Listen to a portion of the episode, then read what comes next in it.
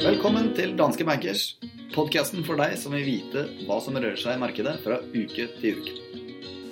Mitt navn er Fredrik Ask Stensrud, og med meg som vanlig i studio har jeg vår sjefstrateg Christian Lie. Velkommen, Christian. Takk for det. Hva er det som har skjedd denne uken? her, Christian? Det har vært uh, veldig mye, men veldig kort uh, oppsummert.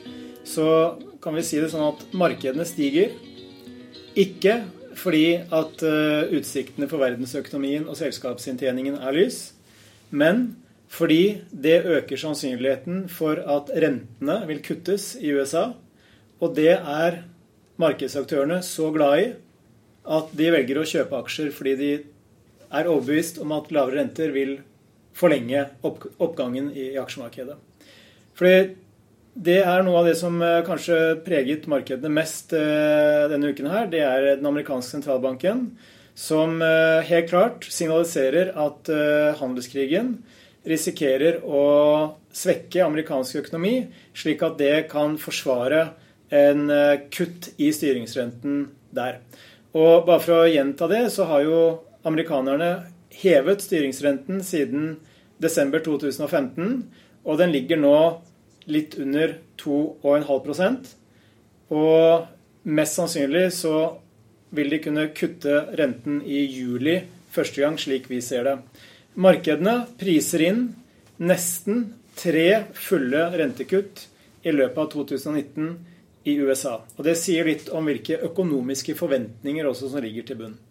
Litt av det samme budskapet har vi fått fra Den europeiske sentralbanken. De holder styringsrenten rekordlav på minus 0,4% Og det de sier nå, det er at den kommer til å holde seg der til minst inn i år 2020, dvs. Si neste år.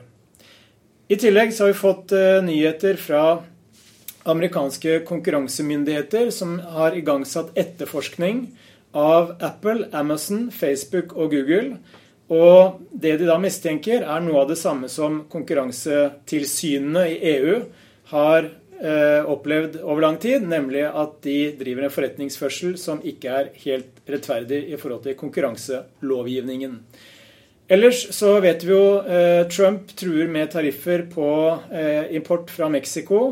Og dette vil da innføres eh, fra og med førstkommende mandag. Eh, det pågår forhandlinger. Eh, meksikanerne har kommet med enkelte forslag, som f.eks. at de skal føre en strengere grensekontroll mot Guatemala.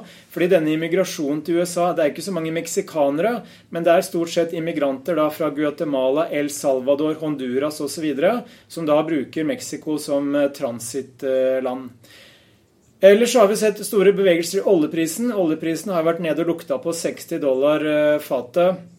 Og det skyldes ikke bare handelskonflikten og, og generelt eh, mye dårlig makro, men det er også veldig høy oljeproduksjon i USA. De produserer nå over 12 millioner fat per dag. USA er eh, den største oljeprodusenten i verden.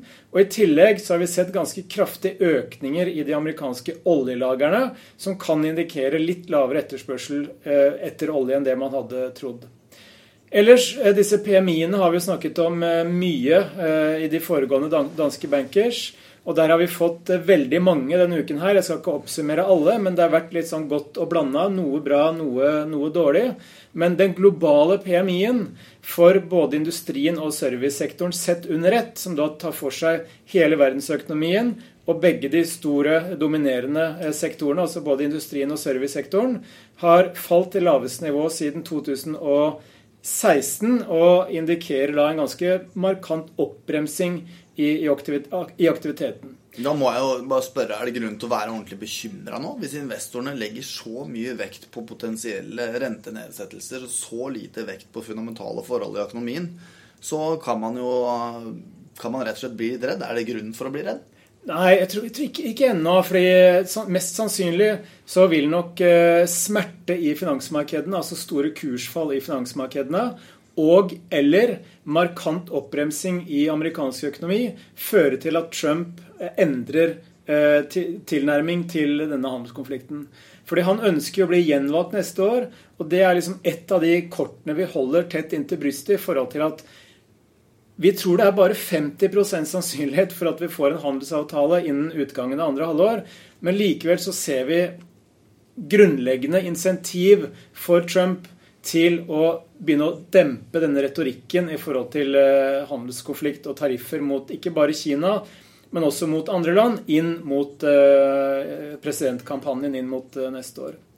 Det som er hyggelig, det er at arbeidsledighetsraten i eurosonen falt til 7,6 det er det laveste nivået siden eh, høsten 2008. Og selv om lønnsveksten også i eurosonen har vært stigende, så er det ingen tegn til at inflasjonen er på vei opp. Og det er jo litt av grunnlaget for ECB sier at de skal holde renten lav lenger. Og der får vi vel noen sentrale tall fra statene senere i dag, gjør vi ikke det? Ja, Dagens arbeidsmarkedsrapport Jeg skulle ønske vi kunne spilt inn denne episoden etter den kom, men det rekker vi ikke i dag. Det, det er kanskje det, det, sies jo at det er månedens viktigste nøkkeltall, men dette er kanskje, om ikke årets viktigste, så i hvert fall eh, den viktigste på veldig veldig lenge. Fordi at markedet tror Fed skal kutte renten. Fordi inflasjonen i USA er lav, inflasjonsforventningene er lave, det er økonomisk usikkerhet. Men samtidig så skal vi ikke glemme av at Fed vurderer altså å kutte renten i en situasjon hvor vi har den laveste arbeidsledigheten i USA siden slutten av 60-tallet. Vi har den høyeste lønnsveksten i USA eh, siden før finanskrisen, i hvert fall i, i området. Og forbrukertilliten, altså stemningen blant amerikanske husholdninger, er på høyeste nivå på 15 år. Og i en slik situasjon så vurderer altså Fed å kutte i styringsrenten. Og da vil arbeidsmarkedsrapporten i dag, hvis den blir overraskende sterk, så vil jo det på en måte ødelegge for Fed sin, sin argumentasjon på hvorfor de skal kutte renten.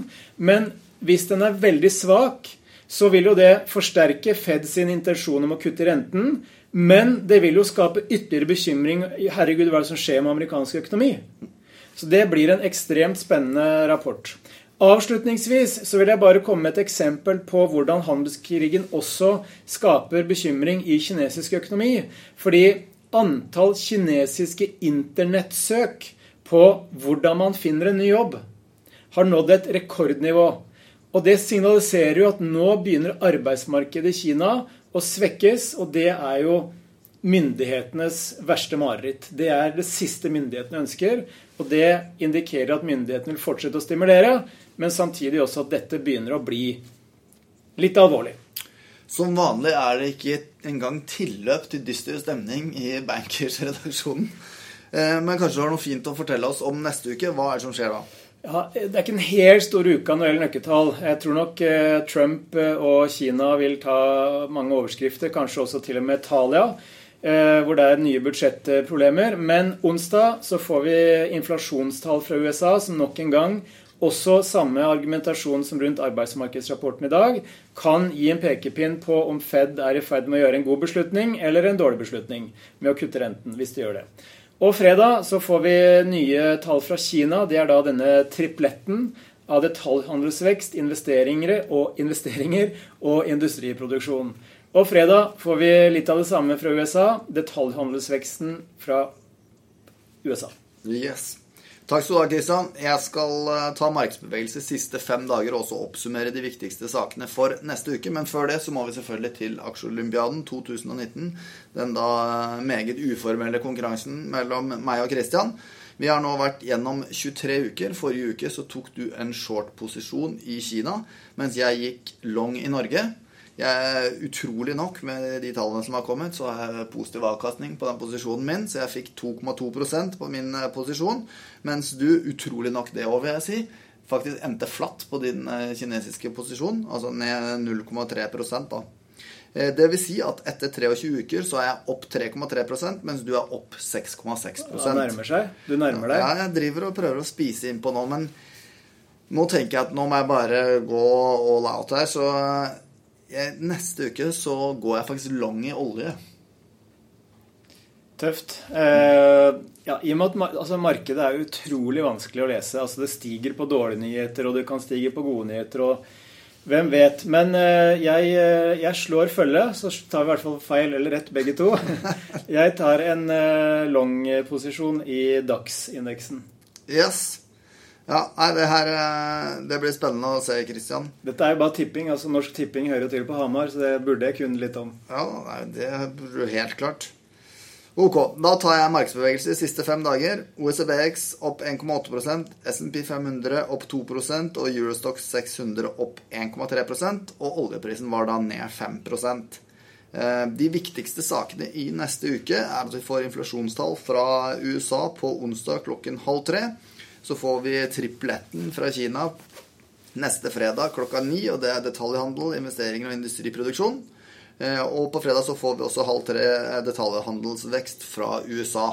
Men det er jo da verdt å nevne at tallet som kommer senere i dag, arbeidsmarkedsrapporten fra USA, det er den, det store tallet å følge med på, i hvert fall denne Ja. her. Det kommer til å kommenteres på min Twitter-konto i hvert fall. Følg med på Christians Twitter. Hvilken Twitter-handle har du, Christian? Lie CHR. Lie CHR. Jeg vet ikke hvilken Twitter-handle jeg har, men jeg vet at jeg har ca. 220 følgere. Det er alt det vi har fra Bankers-reduksjonen i, i denne uken. Vi høres.